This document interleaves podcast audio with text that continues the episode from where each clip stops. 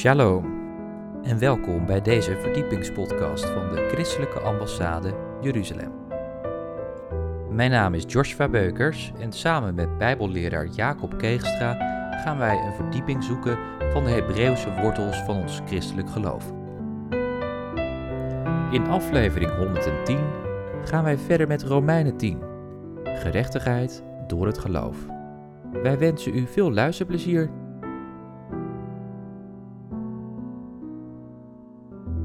Gerechtigheid door het geloof. Wie wil dat nu niet? Dat we juist door het geloof gerechtigheid ontvangen van God. Welkom op een nieuwe aflevering in de serie Zicht op Romeinen. De vorige ronde hebben we stilgestaan bij de compositie, de opbouw van de Romeinenbrief. Dat je natuurlijk een begin en een eind heeft en dat het uiteindelijk draait om het centrum, om het focuspunt de Romeinen, hoofdstuk 9, 10 en 11. Eerst nog even een korte samenvatting van de vorige ronden en dan gaan we deze ronde in op Romeinen hoofdstuk 10. Wat ik al zei, Romeinen begint met die geweldige uitspraak: Ik schaam mij het evangelie niet. Want het is een kracht van God voor een ieder die gelooft. Eerst voor de Jood, maar ook voor de Griek. Met andere woorden, die hele Romeinenbrief, het draait om geloof. En wat we uitgelegd hebben, dat het evangelie niet pas in het Nieuwe Testament begonnen is, maar al aan Abraham verkondigd is. Dat door Abraham de volkeren gezegend worden. En dat is het goede nieuws voor deze wereld. Maar ook aan het eind van de Romeinenbrief, hoofdstuk 15, dat wij alle zegen via Israël ontvangen hebben. Gods woord, Gods Zoon en Gods Geest. Gods woord is door 40 Joodse schrijvers opgeschreven. Er was nog geen Nederlander bij. Ook Gods Zoon, 3 keer 14 geslachten, volledig 100% Joods. En ook de Heilige Geest is eerst uitgestort aan die 120 in die bovenzaal waren alleen Joden. Met andere woorden, wij hebben alle zegen via Israël ontvangen. Gods woord, Gods Zoon en Gods geest. En dan op het eind van die Romeinenbrief, helemaal op het eind, hoofdstuk 16, daar staat dat de openbaring eeuwenlang verborgen was voor ons, maar nu ook voor ons geopenbaard is en dat wij mogen delen in de heerlijkheid die God al aan Israël heeft gegeven.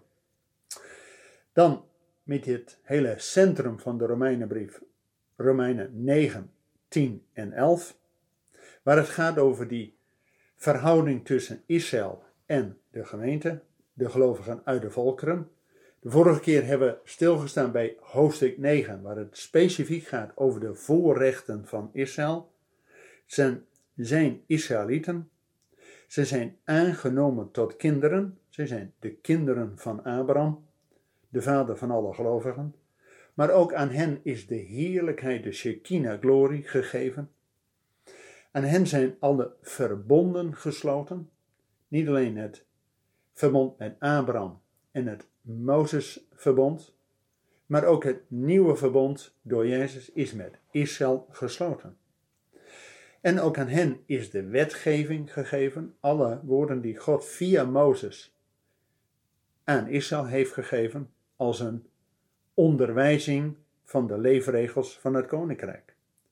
Ook aan hen is de eredienst, hoe we kunnen naderen tot de troon van de Almachtige. Aan hen zijn de beloften. En uit hen is de Messias voortgekomen. Nou, daar hebben we de vorige keer bij stilgestaan. En nu willen we focussen op hoofdstuk 10. En dat begint direct al met een gebed van Paulus. Waar hij zegt in vers 1: Broeders, de oprechte wens van mijn hart en mijn gebed tot God voor Israël is gericht op hun zaligheid. Met andere woorden, Paulus, de evangelist voor de heidenen, zijn gebed is dat Israël tot geloof en tot zaligheid komt. Nou, laat dat ook een voorbeeld voor ons gebed zijn.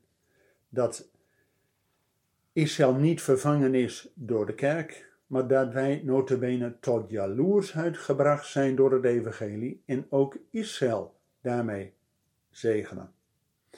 En dan gaat Paulus verder en dan vind ik echt in deze vertaling, ik heb de herziene statenvertaling, en dat is echt iets anders dan de vorige vertalingen. Vroeger stond in hoofdstuk 4, uh, in vers 4, Christus is het einde van de wet. Daar zijn hele volkstammen met de MBG mee opgevoed. En dat betekent zoiets van, nou, de wet is gekomen door Mozes, maar Christus is het einde van de wet. Dus daarmee kun je de wet wel wegdoen. Nou, dat stond er helemaal niet in het Grieks.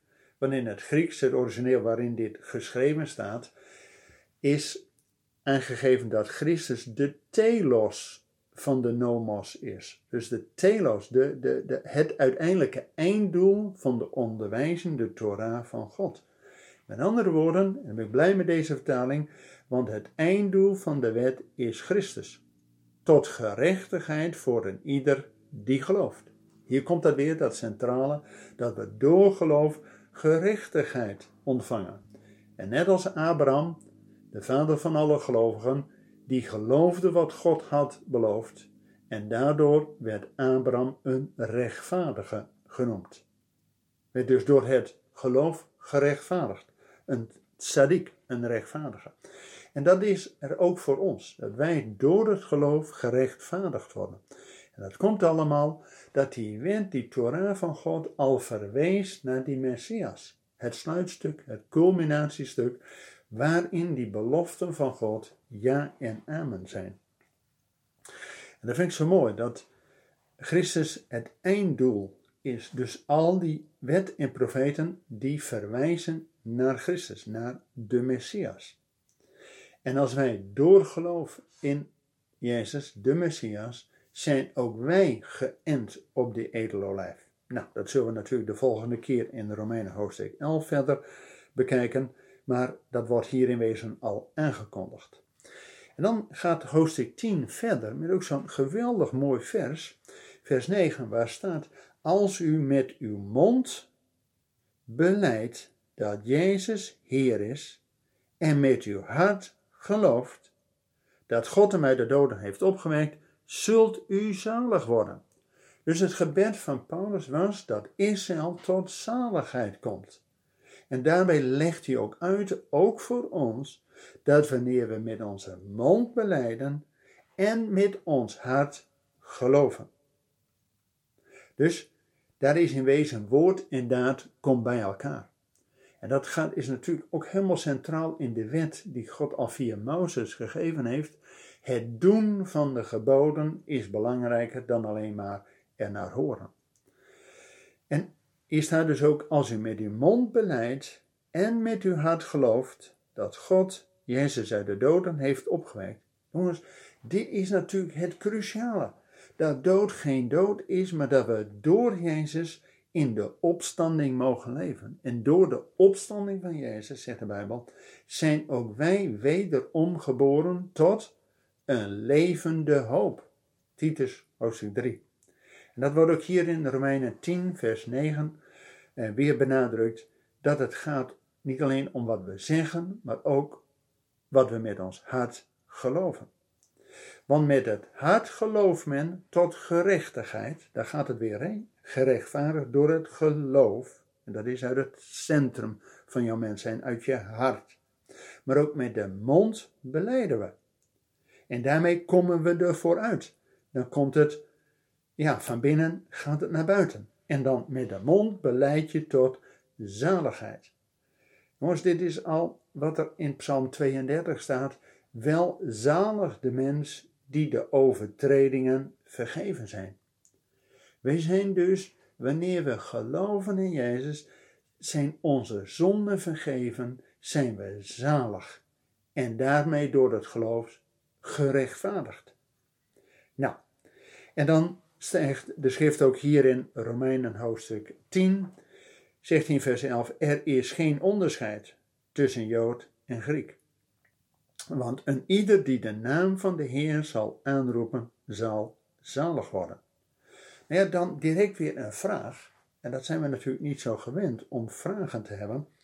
Maar Het Hebreeuwse denken is vooral door vragen word je wijs. Doordat je vragen stelt, ben je bij de stof betrokken. En zodra je het nog niet weet, dan stel je een vraag. En de Bijbel kan dat zeggen, want de Bijbel staat vol met vragen en gelukkig ook met antwoorden.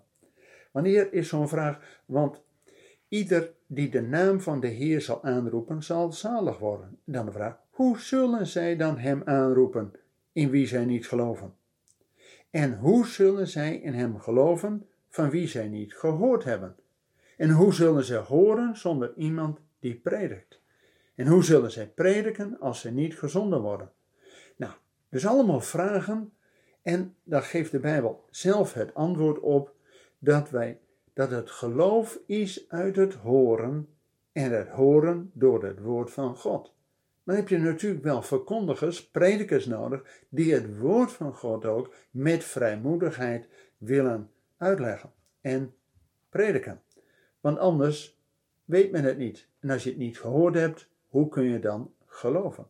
Dus de cirkel is rond wanneer God zijn predikers erop uitstuurt. En we zijn ook blij met een podcast, zodat dat ook verder gaat Nederland in.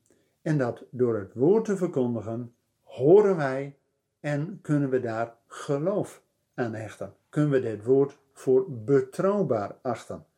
Want geloof is eigenlijk hetzelfde als vertrouwen. Je gelooft niemand als je er geen vertrouwen in hebt. En gelooft het woord niet als je er geen vertrouwen in hebt. En daarom laat God zien dat al zijn beloften in Christus ja en amen zijn en vervuld zijn. Met andere woorden, daarmee laat God zien dat hij betrouwbaar is en dus te vertrouwen is. Logisch dat je daarmee de hele vervangingstheologie, wat de kerk, dat die Israël vervangt, zet je daarmee op losse schroeven. Want die heeft ook geen enkel fundament. Want hun gedachte is, ja, God is wel met Israël begonnen, maar uh, Israël deed niet wat God heeft uh, gezegd. Dus ja, is God nu met Christus en de christenen verder gegaan. Ja, maar de christenen hebben ook niet altijd gedaan wat God heeft gezegd. En waarom zou God dan ons wel ja, iets toevertrouwen? En waarom zou God dan niet de beloften aan Israël houden? Want als God niet trouw is aan zijn beloften aan Abraham, Isaac en Jacob, waarom zou God dan betrouwbaar zijn aan ons? Met andere woorden, dat is een, een fundament van niks. Je hebt het, het enige fundament is dat God te vertrouwen is, dat hij laat zien dat zijn woord waar is. En in Christus zijn die beloften vervuld. En daarmee is God te vertrouwen en kunnen wij ons geloof in God stellen. En dan gaat het verder, ook in dit mooie hoofdstuk, hoofdstuk 10. Want hier staat, en dat is eigenlijk de samenvatting, zo is het geloof uit het horen en het horen door het woord van God. Direct natuurlijk dan weer de vraag, hebben zij dan echt het niet gehoord? Zeker wel. Hun geluid is zelfs over de hele aarde uitgegaan tot het einde van de wereld. Maar hier staat dan in vers 19: Heeft Israël het dan niet begrepen? Ten eerste is het Mozes die zegt: Ik zal u jaloersheid verwekken door wat geen volk is.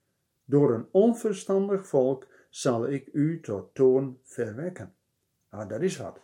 Dit moeten we even verder ja, gezamenlijk bekijken. Hoe kan het nou dat Israël niet direct gehoor heeft gegeven aan het evangelie? En dat Paulus notabene naar de heiden is gegaan om daar het evangelie te verkondigen en dat velen uit de heiden het evangelie geloofd hebben. En dat doet Paulus om uiteindelijk enigen van zijn eigen broeders tot geloof te brengen. Dus er is een hele cirkel om uiteindelijk tot het doel te komen van die prediking van Paulus, om Israël tot geloof te brengen.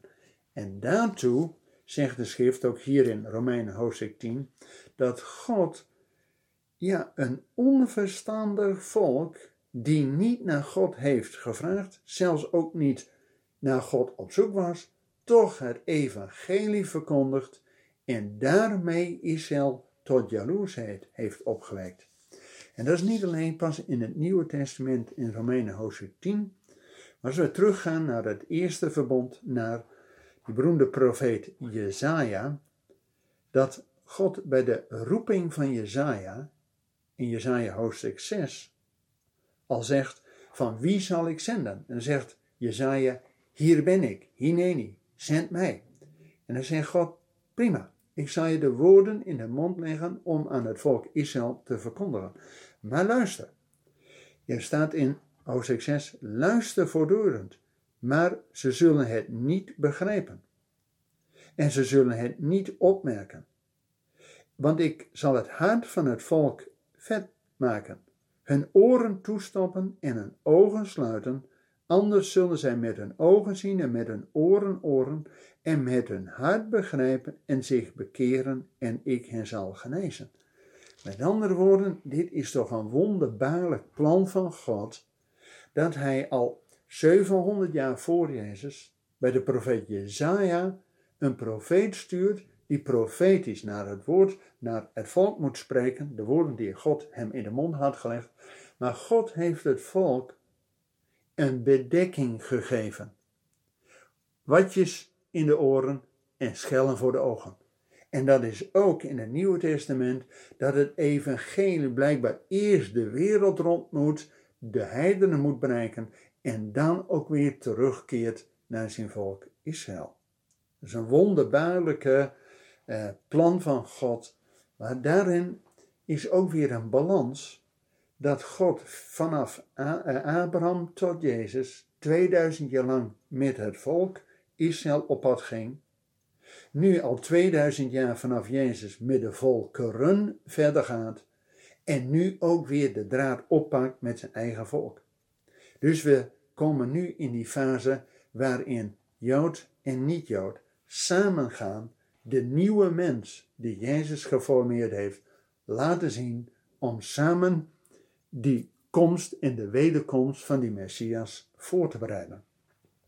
En daartoe staat dan ook hier in uh, Romeinen 10, ik zal u tot jaloersheid verwekken, door wat geen volk is.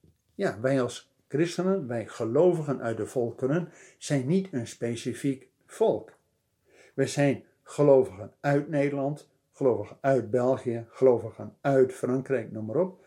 Maar we hebben niet direct een ras of een, een natie of een volk. Nee, we zijn gelovigen uit die verschillende volkeren. En God zal zijn eigen volk Israël jaloers maken op ons. Wij die het evangelie gehoord hebben. En wij waren eerst vreemdelingen en bijwoners, maar door de komst van Jezus zijn wij mede burgers, mede huisgenoten en zelfs mede erfgenamen geworden. Nou, en dat roept natuurlijk ook de vraag op voor Israël: hoe zit het dan met hun en met hun uitverkoren zijn? Nou, en dat heeft God ook al aangekondigd hier in Romeinen 10, waarin zegt. En Jezaja durft het aan om te zeggen: Ik ben gevonden door hen die mij niet zochten. En ik heb mij geopenbaard aan hen die mij niet vroegen. Met het oog op Israël zegt hij echter: Heel de dag heb ik mijn handen uitgebreid naar een ongehoorzaam en tegensprekend volk. Met andere woorden, Israël was een hardnekkig volk en luisterde niet direct naar wat God had te zeggen. Vandaar dat God ook de volkeren het evangelie verkondigt, zodat zijn eigen volk daar jaloers op wordt en we zullen de ontknoping zien ook de volgende keer als we het hebben over Romeinen 11. Wat dan met ons? Wij die, die ja, takken van die onedele olijf waren, wij zijn ertussen geënt. En niet om uh, hoogmoedig te zijn, niet de takken draagt de wortel, maar de wortel draagt ons. En daarmee hebben wij ook een verplichting naar Israël toe om hen tot jaloersheid te wekken. Nou, we hebben 2000 jaar kerkgeschiedenis inmiddels gehad. En we hebben Israël eerder ja, verworpen en een voetveeg van hen gemaakt. Maar God heeft gezegd: Ik zal mijn volk tot een hoofd der volkeren maken. En als wij die tot geloof zijn gekomen en al die zegen via Israël ontvangen hebben, Gods woord, Gods zoon en Gods geest, dan zegt de schrift in Romeinen 15, dan zijn wij verplicht vanuit onze materiële dingen hen te zegenen en hen daarmee tot jaloersheid te wekken. Dus compleet anders als wat we in de laatste 2000 jaar kerkgeschiedenis hebben laten zien. Want dat was gevuld van kruistochten, pogroms en het dieptepunt was de holocaust. We hebben Israël aan de kant gezet. Maar God wil dat we juist door het evangelie Israël tot jaloersheid maken en hen zegenen.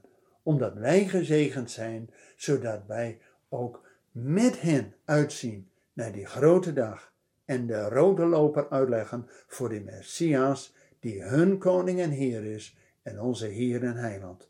En volgende keer gaan we daarin verder over dat beroemde hoofdstuk over die verhouding tussen Israël en ons vanuit de Romeinen 11. Tot de volgende keer. Dank u. Bedankt voor het luisteren naar deze verdiepingspodcast van de ICEJ. Waardeert u onze podcast? Steun ons dan met een donatie of ga naar onze website icej.nl. Volgende week gaan we verder met de Bijbelserie Zicht op Romeinen. Ik wil u hartelijk bedanken voor het luisteren en tot volgende week.